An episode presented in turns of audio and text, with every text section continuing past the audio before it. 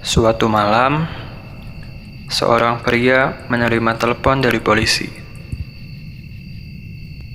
Lalu polisi itu bilang padanya bahwa istrinya terbunuh dan dia harus datang secepatnya ke TKP. Pria itu terkejut dan seketika menjatuhkan teleponnya. Lalu dalam 20 menit, dia sampai di TKP.